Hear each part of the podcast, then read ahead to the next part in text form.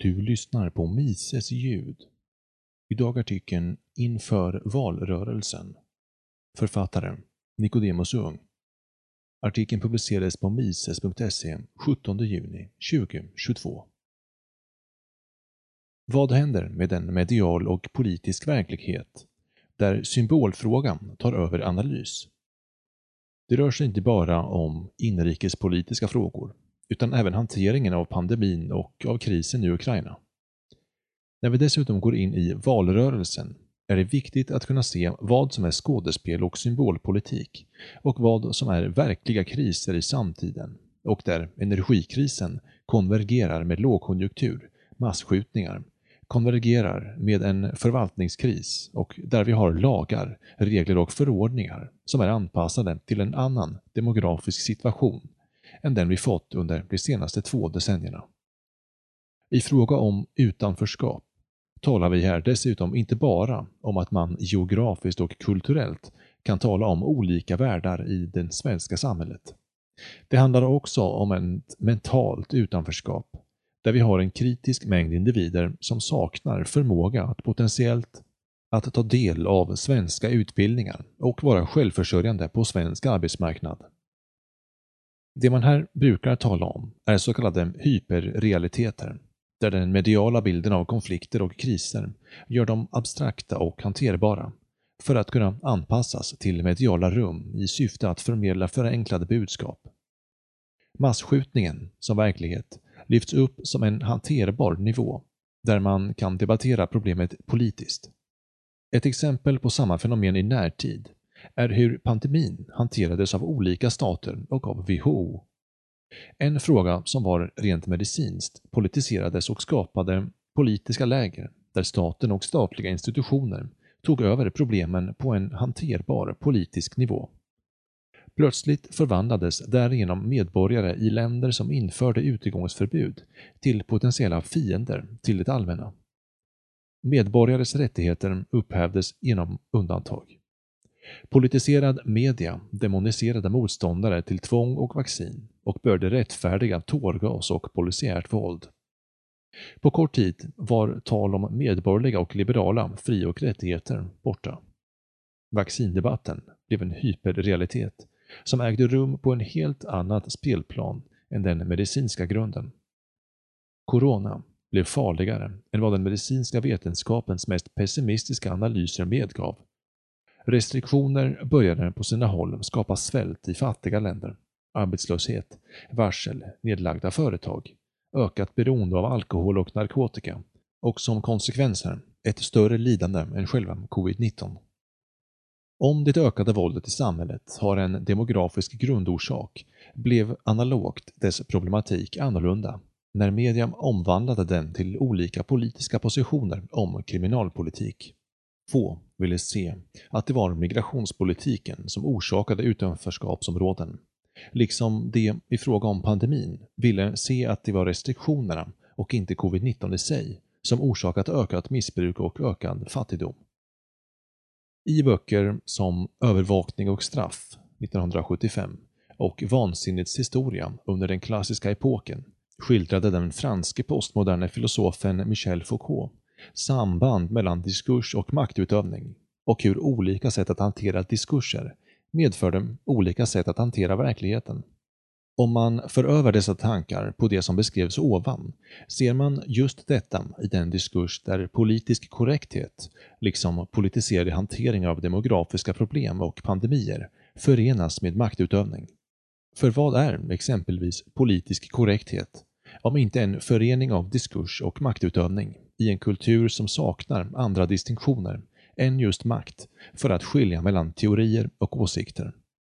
Fast i den politiskt korrekta och relativistiska kulturen handlar det inte om sant eller falskt, utan om krav på renhet i fråga om känslor, associationer och attityder.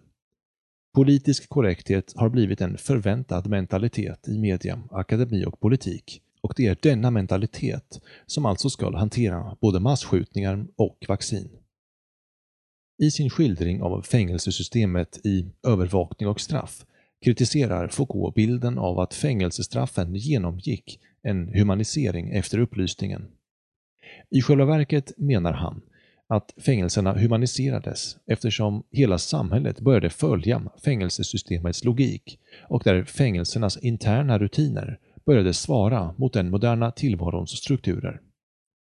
En av de författare som försvarade fängelsestraffets humanisering var Jeremy Benthamson, som förutspådde att det framtida fängelset kommer att byggas som ett panoptikon, där den fjärde väggen i fängelsecellen skulle vara vänd mot ett vakttorn så att vakten skulle kunna bevaka varje fånges minsta rörelse. I denna panoptikonmodell ryms enligt Foucault en utopi om ett rationellt ordnat, transparent och kontrollerat övervakningssamhälle. Det går givetvis att dra paralleller till Aldous Huxleys Brave New World, liksom till George Orwells 1984.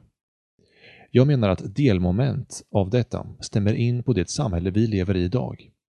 Vår postliberala politiska kultur har utvecklat tekniken för övervakning av exempelvis vaccinmotstånd, av politiskt inkorrekta attityder i offentliga rum och i klassrummet, av kritik av symbolpolitik och restriktioner och hantering av dissidenter genom social ostracism, politisk exkludering och chikanering.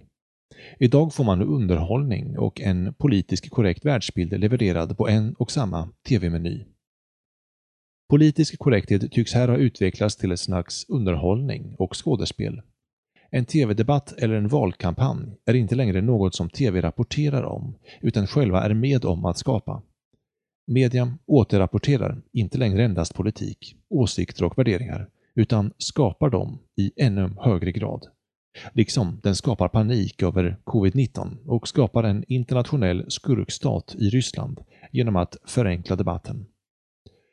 TV upprätthåller således ett politiskt korrekt normalitetsbegrepp och konstruerar mediala hyperverkligheter där de personer som uttrycker sig måste ta hänsyn till medias diskursiva maktutövning och förväntningar på rena attityder, smaker och känslor.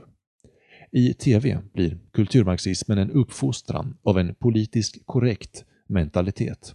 I den mediala hyperrealiteten förvandlades rättsstatens misslyckade hanteringar av rena avrättningar på svenska gator till politiska symboler och tabun. Man vill inte se att förutsättningar inte finns eller har skapats för svenska förvaltningar att kunna hantera krisen. Hur kan man till exempel ge kommuner som saknar tvångsmedel i uppdrag att ta hand om återvändande IS-krigare? Det är klart att de i likhet med Stockholms stad kan hantera frågan symboliskt genom att låta någon socialsekreterare skicka brev till dessa islamister. Liksom ringa dem vid behov. Men det är ju ingenting som hanterar potentiella terrorhot mot Sverige. Det är ingenting mer än just friterad luft. Det är inte heller humant mot dem som utsattes för deras terror och nu bor i Sverige, eller rättvist mot skattebetalare som måste försörja dem. Flertalet skulle betala för att slippa ha dem i landet. Det är intressant att vi därtill har ett läge där också politiken känner till dessa begränsningar men inte vågar göra tillräckligt. Media känner till att vi har dessa problem men vågar inte tala om dem. Och där politik och media dessutom vet att andra vet, men inte har viljan att gå utanför de gränser som de har satt upp för sig själva.